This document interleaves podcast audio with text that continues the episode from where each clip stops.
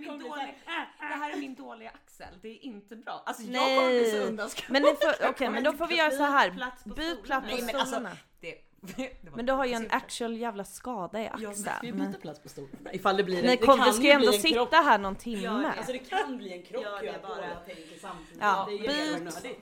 Jag- Byt! Byte.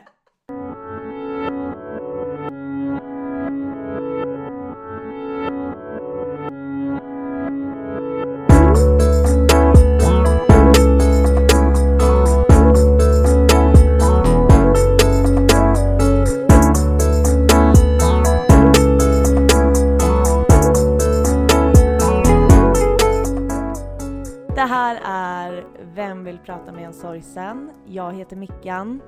Och jag heter Steffi. Jag heter Mimmi. Och jag heter Kristin.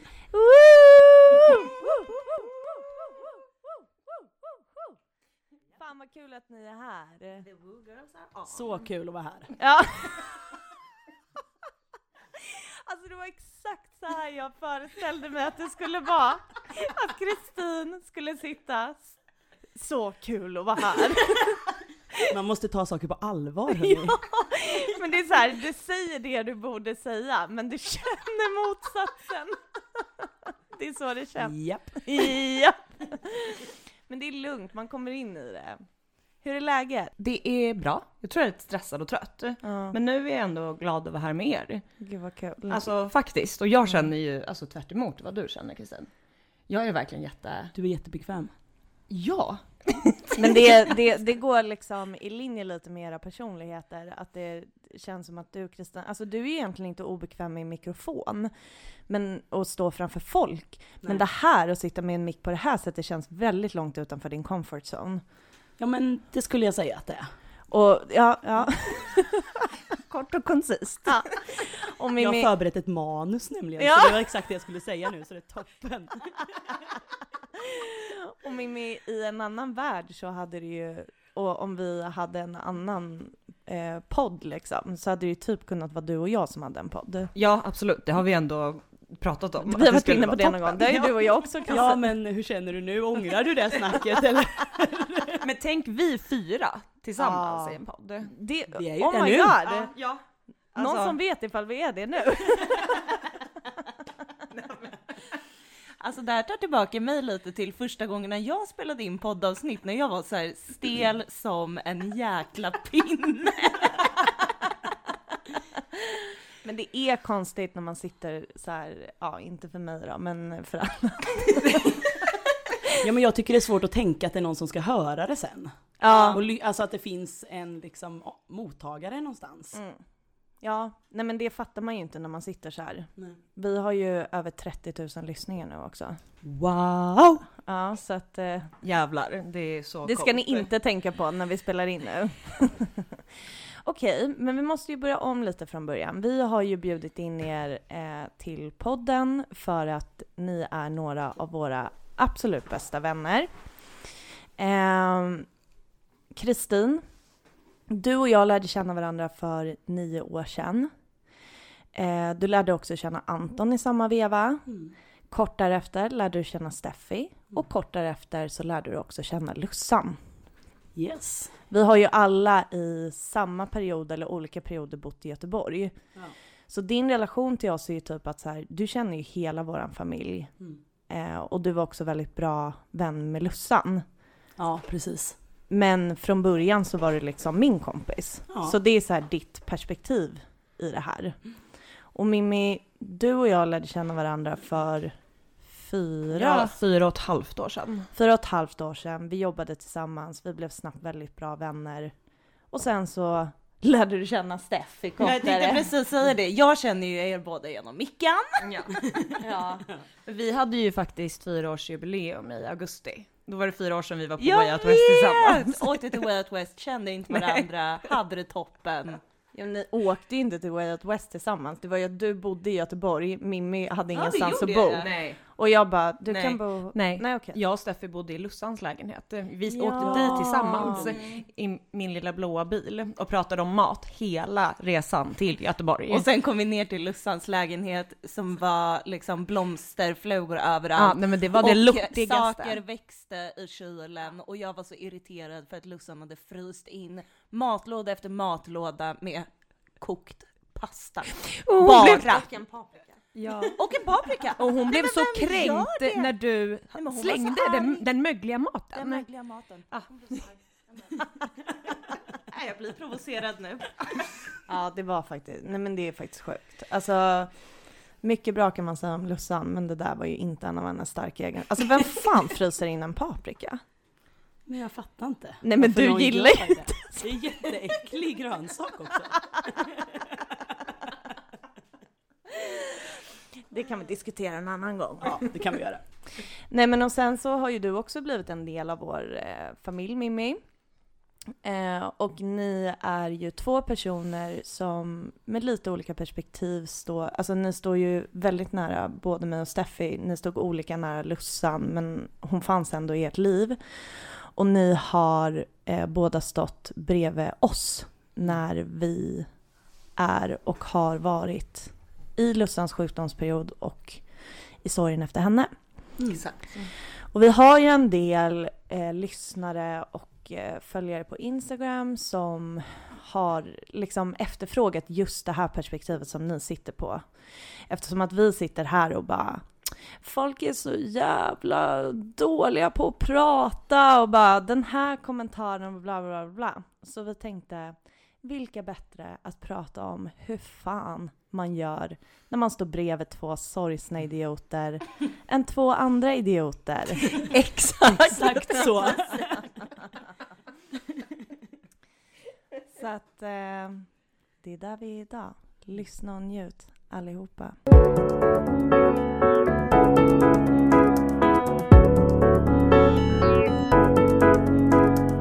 Det är ju sjukt speciellt att vara i den här situationen, men kan ni liksom ur er perspektiv berätta lite hur det var eh, att vara nära oss i den här perioden? Och vilken period tänker du på då? Eh, men om vi börjar med att prata om sjukdomsperioden. Det var ju, det är ju jättesvårt.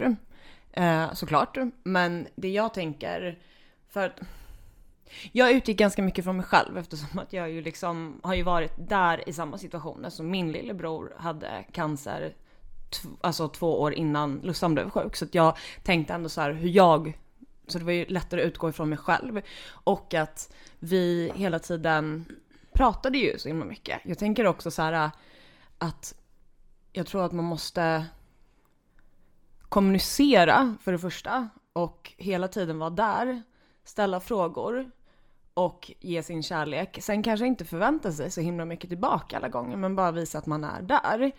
Och sen är det väl, jag tänker också den här klassiska, kan jag göra någonting för dig? Oftast så kan man ju inte det. Um, för att det liksom, det är svårt. Men jag vet, det är ju också några gånger som ni såhär, ja, eh, för det var, jag kommer ihåg när ni, ni, det var någon, jag tror att det var över påsken, och så var ju ni tvungna att akut åka till Göteborg när Lussan hade blivit sämre. Och då frågade jag just det, kan jag göra någonting? Och då fick jag ändå så här, ja ah, ni kan kontakta, kan du kontakta typ? Ja men du hade ju tid på rockbrows, naglar och bara alla de grejerna. Jag bara, nej men det var en absurd situation, jag kommer Ja. aldrig glömma det här. För vi satt liksom i taxi, precis som du säger. Vi, det var innan vi var tvungna, när de hade sagt så här, hon kommer kanske inte överleva dagen. Och vi hade panik, var på väg till tågstationen. Mm. Och jag inser att jag har så här 800, jag vet inte ens Nej men det var fransar, det var naglar, det var Jag bara, ögonbryn. kan du avboka eh, den här ögonbrynstiden, den Mm. här manikyren, den här, alltså det är också så här. Ja, alltså va? Hade jag råd med det? Eller så här, Nej men, vad- nej men jag vet faktiskt inte vad det var, men, men då var det ändå så här, jag, jag kände mig som en liten assistent, för då gick jag runt där med så här min lilla, min lilla hörlur och bara Hej, eh, jag skulle bara behöva avboka den här tiden åt Mikaela Gripenberg. Eh, nej men och sen så tänker jag typ att jag, jag minns att jag var hos er så himla mycket typ i midsommarkransen. Um, och att man bara så är där. Och man, jag, jag försökte i alla fall på något sätt ändå vara lite så här följsam. Vart är ni nu? Att man försöker läsa av den. Och är det en den här jättesorgsna, oroliga stämningen eller är det nu att vi skulle kunna lätta upp och kanske bara så här, ah, jag vet inte, kolla på någon härlig film typ och skratta liksom. Men att man Mm. bara är så här, man är där. Men jag tror också att det viktigaste är att man, man finns men kanske inte förväntar sig så mycket tillbaka för att man också vet att det finns så jävla mycket annat den personen har att tänka på just då. Men eh, vad, vad, alltså fanns det någonting i, under den här perioden som du tyckte var svårt? Dels så, så tyckte jag att det var svårt när ehm, just när hon så, alltså, blev så, så drastiskt alltså, sämre. Alltså att hon Mm. blev sjuk så himla fort.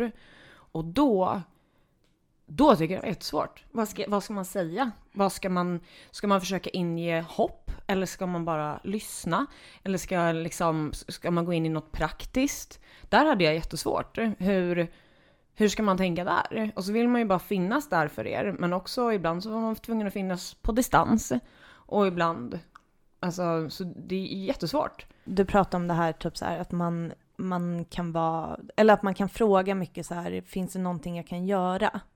Och sen så sa du också så här, men så finns det inte så mycket man kan göra. Alltså var, var då- lämnades du när, alltså jag, när jag hör det så kan jag tänka mig, alltså att, för att vi hade ju också den situationen fast på ett annat sätt, att liksom vara närstående till Lussan som var sjuk då och man bara, Gud, jag kan inte göra någonting och att det var så jävla frustrerande typ. Mm. Men så här, hur, hur var det? När man, när man vill finnas och typ så här försöker finnas men det känns inte som att det går att göra någonting typ. Alltså man känner ju alltså, en grov maktlöshet hela tiden. Och det är där jag menar rent praktiskt så ja, kanske man inte, när ni är i Göteborg så finns kanske inte så mycket jag kan göra förutom att liksom kolla läget om dagarna, skicka hjärtan eller bara så här, jag vet inte, skicka en meme på en gullig hund typ. För att det ändå är så här, jag tänker på er och jag finns här. Eh, men sen när man själv känner den här känslan av liksom maktlöshet eller frustration, ja då får jag vända mig till någon annan. Då får jag vända mig till någon annan vän som är frånkopplad från det här. För att då hantera mina egna känslor. Det är ingenting jag där och då liksom tar med er. Sen absolut att vi har pratat om de här sakerna i efterhand. Men där och då så får man ju bara, då, då är ju fokuset på er. Sen får jag utlopp för mina känslor hos andra eller annat håll. Hur var det för dig Kristin eh, under Lussans sjukdomsperiod? Alltså, Mimmi bodde ju i Stockholm men du bodde ju faktiskt i Göteborg och var liksom med eh, alltså så fysiskt under den här perioden. Ja men exakt, och jag vet inte, när jag funderar på det där så tycker jag att det är väldigt svårt att liksom urskilja typ närstående perspektivet och min egen liksom process i det.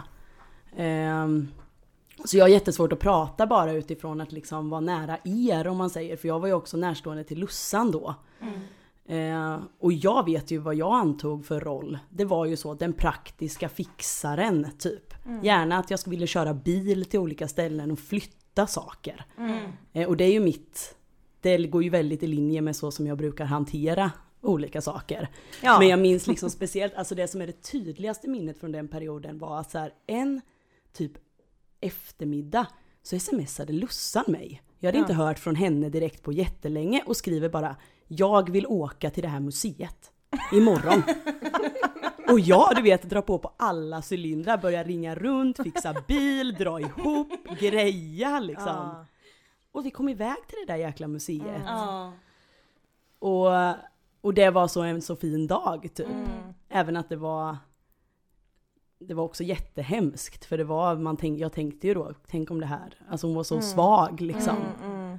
Men på det sättet så är det svårt att prata utifrån närstående och med er, för vi hade så mycket kontakt hela tiden och ibland var jag där när ni inte var där och liksom med Anton och med era föräldrar och så. Mm. Ja men och det här är ju så himla speciellt och det, men det här är någonting som som jag vet att så här, du och jag pratar ganska mycket om alltså efter att Lussan gick bort. För att då har det känts som att du verkligen typ har satt dig själv i Alltså som att du liksom har ställt dig längre ifrån situationen än vad du egentligen är. Ja verkligen, alltså ja, gud ja. Och det gjorde ju jag länge. Mm. Alltså både när hon var sjuk och efter i sorgeprocessen så har ju jag sett på min del i det som så, ja men långt ifrån. Mm. Eh, ja. Och det där är så himla konstigt egentligen för att det handlar ju bara om att du så här eh, tittar på eh, men jag tänker så här, mig, Steffi och Lussan och så mamma och pappa, att man bara, det är familjen. Mm. Och sen kommer Anton. För Anton har ju också haft de här känslorna, ja. eller framförallt kanske, han kanske inte har haft lika mycket känslorna av att vara utanför, men han har ju fått det bemötandet väldigt mycket av andra. Men att det, är har jag också fått Ja. av typ, ja men andra utanför. För frågan man får är ju hur mår Mickan och Steffi? Ja, Och herregud hur är det med dem och så. Ja.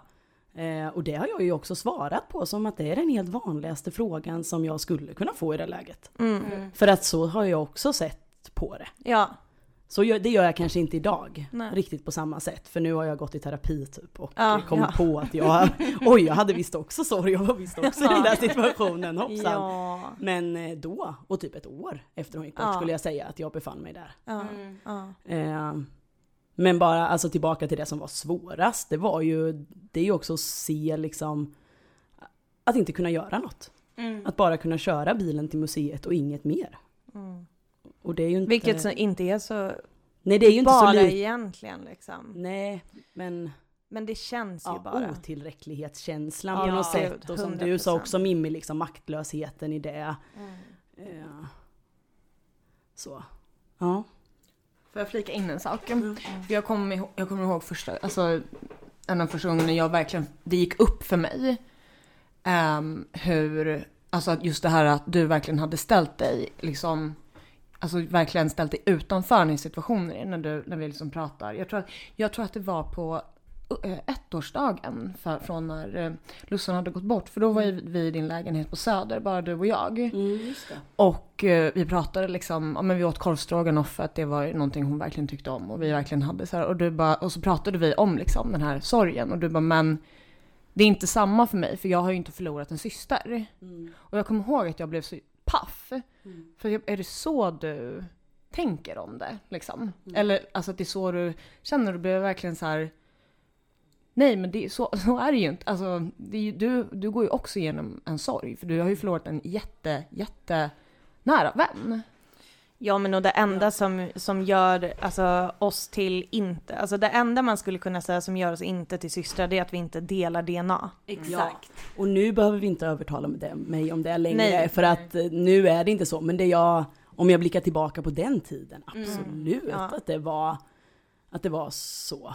Mm. Ehm, Men mm. jag kan tänka mig alltså att det, det måste ju finnas eh, många andra som sitter på den där dubbelheten i att så här, känna att man har en egen relation och rätt till någon form av egen så här, eh, sorg, men att det, det hela tiden så ska man hålla på och så här Eh, men jag vet inte, göra någon så här sorghierarki där typ så här, vissa har mer rätt till att vara mer ledsna än vad andra har. Mm.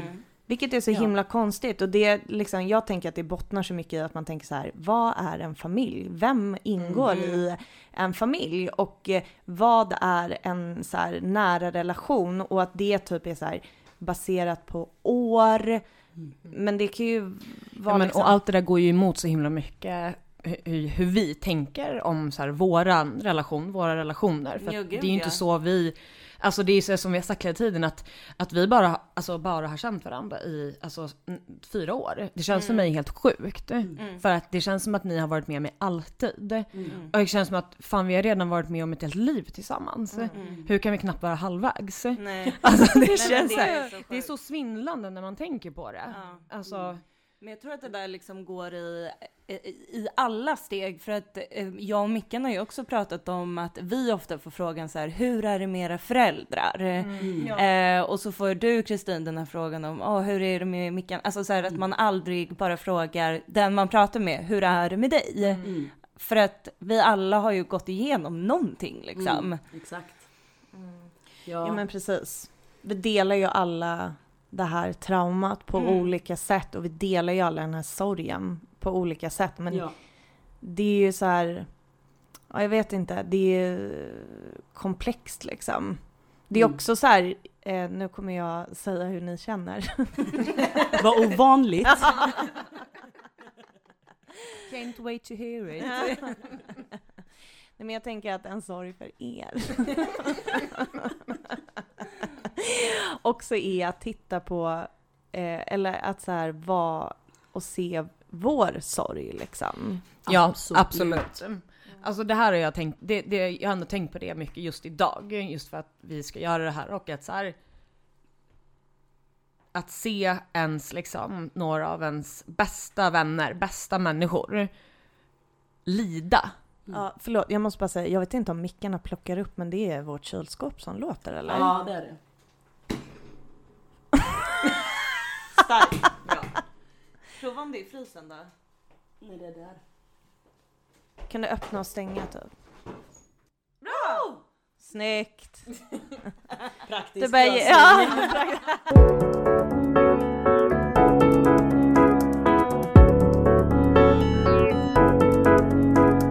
Förlåt Mimmi, continue. Nej gud, ingen fara. Eh, nej men att ehm, det, det är en sorg i sig, att se er. Ja men just det här, eh, det känns som att ni ska gå under liksom ibland. Alltså att ni verkligen när man står framför er och ni bara går sönder. Och det är en fruktansvärd sorg för att det är också så här, det här är det vi har nu och nu man liksom att det är någonting som har gått sönder och det kommer aldrig gå att laga. Så nu är det här vi ska förhålla oss till. Jag tror det också är, och så är det, för så, så här, det, det är ju livet. Men det är fruktansvärt sorgligt och då, igen, blir det den här maktlösheten. Den här grejen kan jag aldrig ta bort för er. Jag kan aldrig fixa den liksom. Nej. Nej. Och det, det, det är en fruktansvärd känsla. Men jag bara tänker, det är ju my- många gånger, jag vet inte hur mycket ni vet det, men vi har ringt varandra. Mm. Och liksom gud så här, hur, hur är det, alltså vi har pratat mer kanske och liksom så stämmer vi av, kan vi göra något, vad händer? Alltså så här. För att också... Många krismöten. Ja det har vi haft. Kan ni berätta om något? Alltså vi har ju redan fläkt ut hela vår sorg till alla. Ja så men det... jag har inget, jag kommer inte på något Dagen innan Lustans begravning. Ja, då hade skulle jag säga. krismöte. Du målade mina naglar. Ja, och, och Mickan, Mickan skrev till mig, Mimmi ge bara Kristin fem minuter på sig att välja nagellack, annars måste du välja åt henne. Helt sjukt att du tog ansvar för min beslutsångest dagen innan Lusans begravning. Men eh, ja. Ja men då var det ju absolut. Men då var det ju mycket liksom hur, att vi verkligen så här, okej nu, vi är med varandra imorgon, vi går, åker dit med varandra, vi liksom sitter med varandra och vad, hur ska vi på bästa sätt kunna finnas där för varandra, men främst för Mickan och Steffi. Exakt. Ehm, och liksom i perioder när man också har märkt att det är riktigt illa för någon av er. Mm. Alltså då bara, okej men vad, vad kan vi göra nu Mm. liksom? Eh, så jag tror att man måste hitta sin person också och bolla med. Och jag tror att vi har väl kanske så här gjort det mycket med varandra när det har varit, det är väl alltid tufft, men extra tufft. Ja. Ehm, Ja men just för att det också är svårt. Vad ska vi säga? Vad kan vi göra? Och liksom det är svårt att komma på det där själv ibland. Och man sitter och tänker och tänker. Och så gör man typ ingenting. För det kan jag känna om jag tänker på något att jag så många gånger liksom inte har hört av mig också. Om jag liksom ska vara, om jag ska tänka efter kring det. Eh, men också ska jag tänka så här, ja men ibland så hörde jag inte av mig till, då ringde jag Mimmi. Och bara, hur mår de? Typ. Ja. Eh, vilket också kan vara konstigt på något sätt när jag tänker på det nu i efterhand. Men, Men ett det- sätt för, ja, ett sätt att hantera. Men jag jag, tänker- jag känner ja. igen det där, förlåt mycket, men jag känner igen det själv.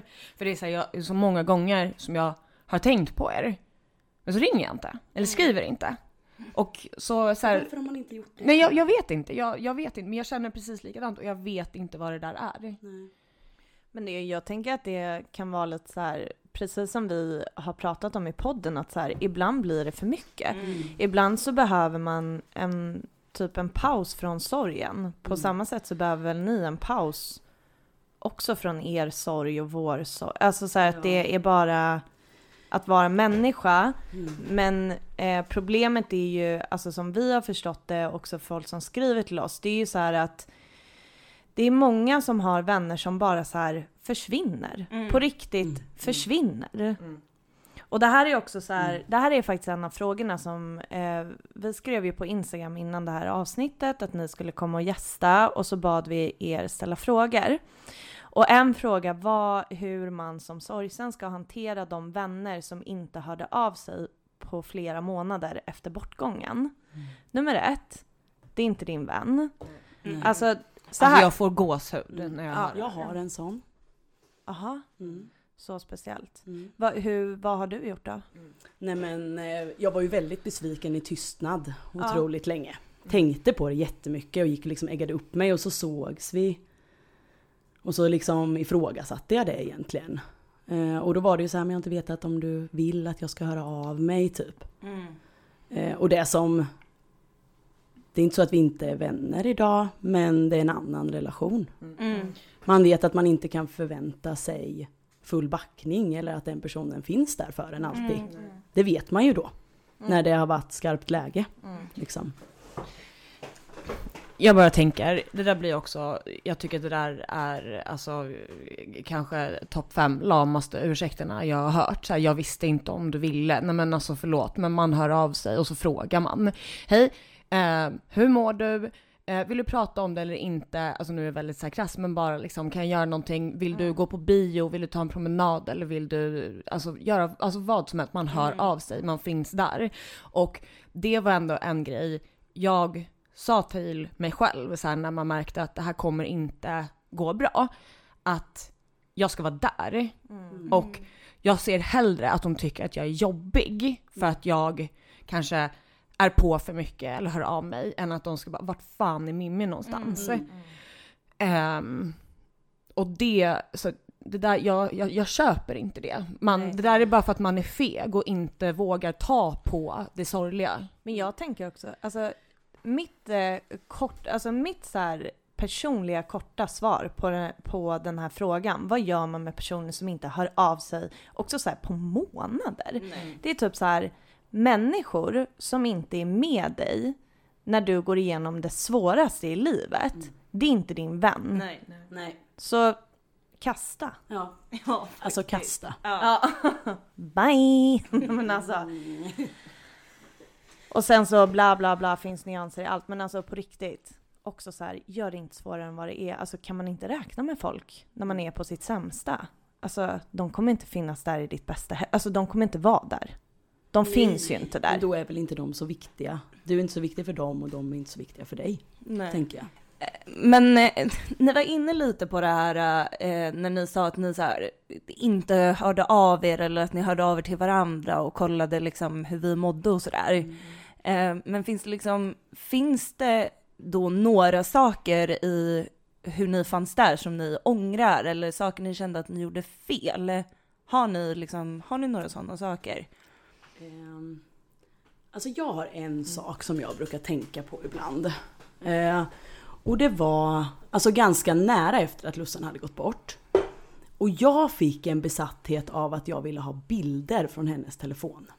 Och jag tjatade på dig Mickan. Alltså dag ut och dag in om de här bilderna. För att jag var så liksom i min egen, egen sorg med det och jag hade, kände ett så otroligt behov liksom. Jag har fortfarande inte skickat bilder Nej, det till har dig, du inte. Nej, fan. Men jag insåg ju efter ett tag hur osoft mitt beteende var. Så jag slutade ju fråga efter bilderna, men det tog sin lilla tid. Och det kan jag fortfarande tänka på ibland. Att jag så skickade och typ tjatade på dig att du skulle gå igenom bilder i Lussans telefon. Alltså, Vad sjukt att du säger det här för att det här är verkligen ingenting som jag har tänkt. Eller Nej. så här, jag kommer ihåg det men det är också så här. Det är ingenting som jag kommer ihåg som har satt sig i mig som bara fy fan vad osoft Kristin var som aldrig gav sig. nej. Men jag, jag tänker på det Ja, för också ställa massa krav på att du liksom ska göra det så här veckor efter att hon gick. Nej men det var jättekonstigt beteende. Ja, men jag brukar ibland tänka på just det här... Jag gick ju också in i någon sån här grej när... eh, Jag tror att om det var strax innan Lussan gick bort eller strax efter, att bara så här, eh, Jag måste läsa om det här. Jag måste typ googla. Vad, vad är liksom typ ens... Vad måste man tänka på? Och, och nu, alltså... är det ju verkligen de här klassiska grejerna som kommer upp som ni typ har pratat om och bara det här ska vi skita i. Men, men att jag kände mig så lost och bara så här, jag måste liksom få någon slags input. Och då var liksom... Och då fanns inte den här podden. Nej, exakt. Exakt. Men en av grejerna som verkligen fastnade hos mig var så här, eh, att man kan behöva hjälp med de praktiska sakerna. Mm. Eh, alltså städa, laga mat, handla. Och jag typ bara okej, eh, och bara, men det här, nu ska liksom allt det här, eh, de ska inte behöva göra någonting. Sen så var det som att jag tror inte en enda gång att jag har lagat mat åt er. alltså det är, ni, det är heller. ni som lagar mat till oss. Ja, det är ni som lagar mat till oss. Och det är, ni bara, nej jag handlar. Och man bara, nej men jag, jag kan handla, snälla låt mig Nej, typ. jag sa tack, gud vad bra. Ja. Alltså, och, det här är så här. Sen vet jag, ni är inte så jävla intresserade av att jag, varken jag eller Kristin ska laga mat till er, för vi är inte så bra på att laga mat och ni är otroliga på att laga mat. Men ni fattar vad jag är ute efter. Och det här kan jag tänka ibland, okej men när det, när det var lite stökigt hemma hos er, liksom, varför, varför gjorde jag inte bara lite så här, bara lite, ett litet svep typ? Eller varför sa jag inte bara nej, jag handlar? Varför var jag inte mer typ persistent i det? För att det är klart att ni säger det, för att ni är ju också såna. Nej men vi bara gör. Alltså man bara gör och man bara tänker och så bara händer det. Men nu, så här efterhand, ni pallade ju inte det. Nej. Men man gör ju det för att det är överlevnad, för man, man måste det. Eh, men att vi bara såhär, ja men gud vad gott med den här pastan! Jätteglada! Men så att jag verkligen hade läst i den här dumma jävla artikeln, men hjälp till med mat. Men, så här, nej, men de, sa att de skulle laga mat, vad bra! Men alltså, det här, jag tycker det här är eh, väldigt intressant för att eh, jag tycker det kommer också tillbaka till så mycket det här att, eh, som vi också har pratat om mycket, att det är så här, man bara frågar inte saker, bara gör grejer liksom. Men att det är också väldigt ovanligt, eh, i alla fall för oss som bor i Sverige, att vi, alltså det, det är vår liksom hantering eller mer så här inte hantering av varandra när vi sörjer. Det är att vi, så här, vi frågar, vi smyger oss eh, sakta Man fram. hamnar i det här försynta och så ska Ja. man inte vara i vägen, Men man, man vågar inte vara på typ. Precis. Störa. Ja. Man får aldrig störa. Nej, nej, nej, precis. Men det är så här, okej, eh, typ i väldigt många andra länder i världen, då är det typ så här, nej men du knackar på dörren med en lasagne liksom. Det är Ja, inget, du frågar ja, ja, inte. Men alltså är det inte vissa lä- så sörjer man ju idag. Man sitter ju typ, alltså man har begravning i dagar och alla kommer med mat. Varför har vi inte så? Men så det kan jag verkligen tänka på. Och typ så här senare liksom efter sommaren, varför jag har tänkt så här, fan jag hade velat vara mer på att liksom, hörni ni måste sjukskriva er. Ni kan Ja. inte hålla på så här. Men att jag, jag sa ju, jag vet att det här kommer låta så motsägelsefullt nu för att jag tidigare sa så här, man ska vara följsam, men det var för att jag gick in lite för mycket i att vara följsam och tänkte så här, men ni vet vad som är bäst för er. Förlåt men nej, det gjorde ni ju Nej. verkligen inte. Alltså det, alltså och det, det, det vill jag ändå säga till er där ute som är närstående, att en sorgsna vet inte sitt egna bästa. Och där måste man nog bara leda och säga. Och liksom, det kanske inte funkar första, andra, tredje gången, men kanske fjärde gången så sätter det sig, de personen inser okej, jag kan inte hålla på så här, jag måste faktiskt pausa. Det, det kan gräma mig. Alltså verkligen. Men för jag tänker också att det, alltså eftersom sorg liksom triggar igång så mycket faktiskt psykisk ohälsa när, när man bara kör på och liksom inte tar den. Alltså jag tänker att när, em, när man pratar med personer som har förlorat nära eh, närstående i suicid, då är det typ så här, deras, ofta deras tips är typ så här, eh, typ tvinga dig på, alltså så här, fråga hur de mår, prata med dem, säg nu gör vi det här, bla bla bla. Att det är typ så här, även om inte det är inte ett lika med tecken att man sörjer och därför blir deprimerad, men det är väldigt lätt hänt om man inte tar sig tiden. Att det är så här, att faktiskt vara proaktiv som närstående till en sorgsen och vara typ så här, vet du vad? Du har gått igenom det här. Sätt dig ner och ta det jävligt lugnt. Mm, verkligen. Det är ju, men det här, det, jag tycker också att det är inte, för att vi tänkte ju inte heller på de här grejerna när vi var i det. Det här, är ju, det här är ju saker som vi har reflekterat oss fram till och också mycket på grund av podden kommit fram till för att vi verkligen satt oss och reflekterat Mm. liksom. Men när man verkligen börjar tänka på det så är det jättefuckat, exakt som du säger. Ja. Varför städade jag inte bara? Alltså du såg ju hur vår lägenhet såg ut. Ja, och det var smutsigt. Ja! Så varför städade vi inte? Nej, alltså jag kommer ihåg en gång när jag satte mig ner på golvet så var jag barbent och jag reste mig upp och det såg ut som att jag hade, alltså det var en hel damm, alltså det var damm över hela benet. Ja. Och, och varför, varför bara så här, fick, Men du alltså, lät det vara där Mimmi, eller kvar? Ja, det var ju toppen. Än Toppen, idag vänner. kanske det är kvar, vad vet jag? Eventuellt. Borstade av det på golvet och hällde upp mer vin. Ja jäklar. Jag tänker vi ska ta en till lyssnarfråga. Eh, och då är det någon som eh, undrar om ni någonsin har varit oroliga eller rädda för att vi sörjer för lite? Nej. Nej, det har jag nog verkligen inte varit. Nej. Alltså kan, alltså, i vi, nej, inte sörja jag för var det i lite. början. Ja, ja, ja, ja då pratade vi om det Mimmi ja. För att till exempel när vi, nu minns inte jag exakt liksom hur, men jag tror att det var, var det kanske så, ja men sex, sju veckor efter att Lussan gick bort så åkte vi ju alla på, till Italien. Ja. Och den här, hade, den här resan hade ju planerats med Lussan. Herregud, det- alltså det var ju i hennes namn vi bokade Airbnb. Mm. Fan vad Och det var ju, ja, det var fruktansvärt eh, att behöva lösa det. Alltså, så här. Men, eh, och då, jag, jag, jag personligen ångrar inte den resan. Eh, men jag har tänkt mycket på den.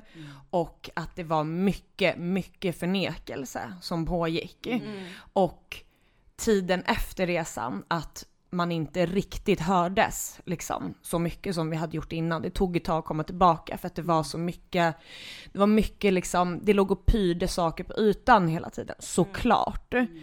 Eh, men då, där kände jag så här, hur ska det här gå? Eh, då, då var jag orolig. Ja men jag tror inte jag var orolig då för att ni sörjde för lite. Alltså för det är ju frågan är vad, sör- vad är sörja för lite? Det är en svår fråga liksom. Men då var det nog mer en oro för så här. när kommer det? När kommer insikten typ? Och när ska vi vara där? Och vad gör vi? Vad händer då? Eh, när vi inte längre bara dricker vin och glömmer allting i Italien. Kom det någon gång? Det som du beskriver? Ja, det tycker jag. Men eh, lite liksom successivt mer. Mm. Inte som en smäll. Jag tror att där och då såg jag en smäll framför mig. Och även för mig själv. För jag var också där. Mm. Jag var där med er i den förnekelsen. Ehm, det, det kom mer successivt smygande. Mm. Men det tycker jag är lite intressant, eh, för att det, lite av det här, eh, om man säger att ni var oroliga för att vi skulle sörja för lite, bygger ju på en föreställning om att så här, när det precis händer, att man ska vara i någon extrem sorg. Liksom återigen kopplat till den här bilden av sorg som vi har. Ehm, men kan ni känna typ att den bilden för er har förändrats? Alltså verkligen. Ja. Alltså jag tänker om jag har lärt mig något av er i det här och även med den här podden. Och även liksom hela den här tråkiga, vidriga processen. Så är det ju att jag har lärt mig att sorg inte alls funkar som i någon, någon trappa eller någon, några steg eller någonting. Det är bara ett enda kaos. Mm. Eh, Ja, och det där är ju alltså vi, ehm, det kom en artikel eller en krönika eller whatever i Svenska Dagbladet för några dagar sedan som vi också delade på vår Instagram. Och där var det liksom den här ehm, forskaren och psykolog säkert som har liksom myntat de här sorgens faser. Mm. Hon var typ så här jag ångrar att de här tolkades så bokstavligt. Typ. Mm. Hon bara, jag försökte mer liksom skapa en modell för på ett ungefär vad man går igenom och så här att man kan hoppa fram och tillbaka, någonting kan hålla hur länge som helst men att så här jag tar typ tillbaka Mm. för att den, den tolkar den här liksom att det är så här chock, förnekelse, vad, alltså jag kan den inte men ni vet Nej, vilken det är. inte kunna den. Nej, nej. Nej men att till och med hon som typ myntade modellen är lite så här ni har inte fattat vad jag pratar om ens en gång. Nej. Så att det är... ja. Nej men jag tycker också det är spännande för att det är som att det är som att man så ofta pratar om sorg som att det också skulle ha ett slut. Att det är den här trappan. Och när man har, är klar, när man har gått upp för den, då, då är det över. Då är man liksom klar. Och så är det ju inte. Och de här stegen kommer ju, de är ju jätteblandade. Och de, för de, de, de finns ju där, alla de här med chocken och ilskan och förnekelse och bla bla bla. Men att de går ju, det går upp och ner med olika saker hela tiden för att man alla har olika processer, man har olika grejer i bagaget och olika trauman som triggades igång som vi har pratat om så himla mycket och det kan ju alltså leder till liksom depression eller utbrändhet och allt det där. Men det kommer ju, den kommer ju aldrig försvinna. Man kommer ju aldrig vara klar med den. För det tycker jag var, så, var det, det var väl någon av era lyssnare som hade skrivit in och fått den här frågan men, är, men jag är trött på att du är ledsen över att Ja. din mamma har gått bort. Ja, nej, men, Och det är fan i mig det grövsta jag hört. Men alltså folk är så grova. Men gränslösa. Alltså det, det, alltså där vill man ju bara så ta tag i liksom den sorgsna människan och bara ge den en stor kram och bara sörj hur länge du behöver. Förmodligen hela livet. Alltså, sen, nej men det, så det är det jag också tror bara att det är inte den här 1, 2, 3, 4, 5 och sen är det klart. Utan det kommer alltid mixas runt och det kommer alltid vara där. Det var också en eh, lyssnare som, det kanske mer var liksom en, jag vet inte vem det var en fråga till, men att det var så här, hon var så förvånad över att eh, eh, vissa av hennes eh, vänner hade agerat så kallt gentemot henne eh, i hennes sorg. Eh, och att hon var så himla förvånad över det och frågade ifall vi hade upplevt någonting liknande. Och det här är ju, ehm, jag vet inte, det, det är en fråga som jag tycker är svår att svara på. För de som jag kallar mina vänner, alltså riktiga vänner. Jag kan inte, nej jag kan verkligen inte se att någon av dem skulle ha agerat på ett sånt sätt. Men jag tror också att det är att jag har haft liksom ett stort trauma tidigare som gjorde mig så nedsatt under så lång tid. Och då hade jag väldigt många vänner som visade sina true colors på olika sätt. Och att efter det så känner jag att jag har blivit väldigt bra på att så här, identifiera typ vilka som är så här på riktigt och så. Så jag tror typ att jag, alltså man önskar ju att ingen ska behöva gå igenom eh, livsomvälvande och traumatiska saker. Men man, alltså det är inte så här någonting positivt som kommer ur det, men vänskaper som är på riktigt blir ju starkare Mm, verkligen. när man går igenom. Det är på samma sätt som att så här, jag har träffat flera genom en cancer som typ så här, gjort, har gjort slut med sin partner efter de har, har förlorat någon för att de liksom inte har funnits där. Och det där kan jag ju liksom säga med Anton att det är så här, vi, det har bara blivit starkare, vi har bara blivit starkare i vårt band liksom av att ha gått igenom det här. Ja, alltså det är lite samma för mig. Jag känner ju också typ alla som du känner. Så att jag har väl ungefär samma eh, erfarenheter. Ehm, nej men eh, jag eh, upplevde ju bara en väldigt märklig situation med en vän. Eh, som jag har pratat om tidigare i podden. Eh, men annars, alltså ingenting. Och, men grejen är att jag tror inte att vi är vanliga. Jag tror att, för att det jag upplever från så många när man pratar med dem är att många har den här erfarenheten av vänner. Eller liksom nära personer. Och jag vet inte, det gör mig så trött, så ledsen att det är så. Eh, och jag hoppas att fler kan lyssna på den här podden och typ lyssna på er och bara så här fan vad fint det ändå kan bli att man liksom har kvar varandra och är, vi är familj liksom. Ja, men och jag tänker så här med, med er att ni har ju inte tvekat en enda gång på Nej. att så här ställa upp. Alltså, eh, jag tänker så mycket på förra sommaren så var vi fyra uppe i din stuga i Ockelbo Mimmi. Och eh, det var ganska kort efter Lussans eh, födelsedag. Och jag hade sån panik över att jag kände så här, gud, det blev inget bra, varför firade vi det inte fint och bla bla bla bla.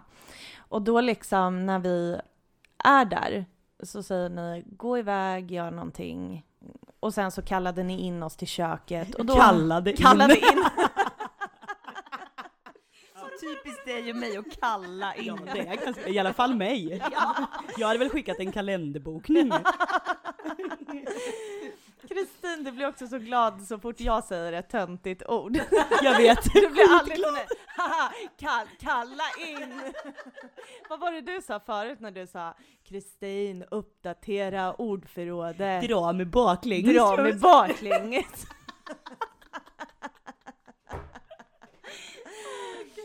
Men jag ger dig den. Ja, jag sa kalla in. nu blev det så. Nej men och då så hade ni liksom gjort så här. Ni bara, ja men hennes födelsedag blev inte riktigt som ni hade tänkt. Men här är en pannkakstårta som vi har gjort för det var Lussans favorit. Ni hade gjort hot shots och vi hade bubbel. Mm. I äkta Lussananda, vi skålade för henne. Mm. Alltså det är så här. Såna är ni. Mm. Och såna har ni varit eh, ända sedan den här skiten satte igång och därefter. Och det är ingen, eh, det är inte ett, eh, det är inte ett sammanträffande. Eller är det ett sammanträffande? Nej, det är inte ett sammanträffande. Jag vet inte vart det är Nej, på det är väg. Mickens eh, hjärnsläpp i podden. Det är ett jag har återkommande väntat inslag. på det. Ja. Ja, så det är ändå en gång per avsnitt så är hjärnsläpp. Det är inte en överraskning att, att ni är några av mina tärnor på mitt bröllop. Okej, men eh, jag tänker så här. Ni är så här eh, otroliga vänner till, eftersom typ så här, hur kan man ha hur kan man ha så otroliga vänner som ni? Man är otrolig själv, som jag brukar säga. Men eh, kan inte ni, har inte ni så några tips? Kan inte ni ge, ni har ju sagt lite tips, så att det är så här, eh, ja men eh, ni har pratat med varandra typ, smart. Så att man inte sitter ensam hemma på kammaren och tänker, hur fan ska jag vara? Har ni något annat som ni tänker att ni kan dela mer av till andra? Ja men jag tänker det Mimmi sa förut, kliv in. Mm. Typ fatta beslut och gör shit. Bara. Tänk inte bara att du ska laga mat utan gör det, även om den andra vill laga mat. Alltså, Om du får damm på hela benet, dammsug. ja, det var faktiskt sjukt det jag gjorde. Ja. Men också så här, var där. Om man inte kan vara där i liksom, alltså rent fysiskt, sk- skicka en meme, skicka jag tänker på dig, ett hjärta, bara visa att man tänker på den personen. Ehm, och eh, bara, ja men, finns där och sen så brukar det liksom, jag tänker att det kan, att det kommer ganska naturligt om man ändå bara är man, jag tänker också att man måste utgå lite från sig själv. Vad hade man själv behövt och velat ha? Ehm, för att det som sagt kan inte, jag tror inte att man i den situationen vet det själv när man sörjer. Och då får man nog bara alltså, kliva in och vara där. Men sen tror jag också, som vi har varit inne på det lite, men att hitta sina andra platser för sitt eget. För att för, genom att när man är närstående till någon som sörjer så mår man själv dåligt också. Ja. Eh, och det kan vara jättetungt. Eh, så då måste man också hitta sina platser och, och liksom sina personer att prata med. Få sitt utrymme eh, ibland. Det tror jag ändå är viktigt att hitta den tiden för sig själv också. Ja, verkligen. Eh, faktiskt. Ja, men där, det, det, precis, det tänkte jag också på att så här, se till att få utlopp för det alltså, du själv känner och Alltså det är så många gånger som jag har kommit hem och bara satt mig på toaletten och alltså fulgråtit och hulkat deluxe. För Har du sett på Dolly Parton då eller? Ja, det var Ja. exakt det jag gjorde faktiskt. Ja. Det vet du. Hennes album Jolene, för er som inte har lyssnat på det, gör det. Dundra på med högsta volym och gråt. Alltså, Shoutout till Dolly Parton. 100 procent. Om du lyssnar. Ja, verkligen. If you you're listening. Hi Dolly, we love you. Nej men bryt ihop, gör det. Men gör inte det inför liksom den som sörjer på det Nej. sättet. Men, men gör det. Alltså man, man måste få göra det också, man måste få känna själv. Det tror jag är jätteviktigt. Och eh, hitta din andra person. Jag, min var Kristin liksom. Mm. Och vi har ändå, jag tycker ändå vi har alltså copat ganska bra. Ja. Alltså så här när det väl i liksom så bra som man kan i en sån här fruktansvärd jävla kris. Exakt. Håller med.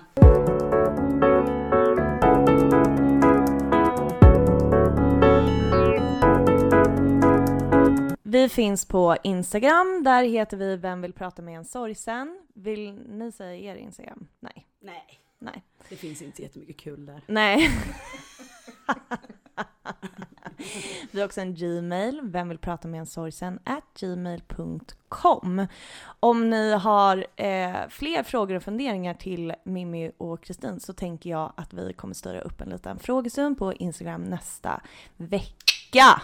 Också efter ni har hört det här.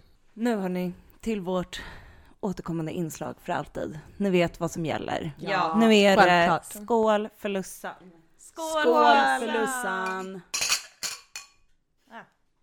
Ah. Oj, gud!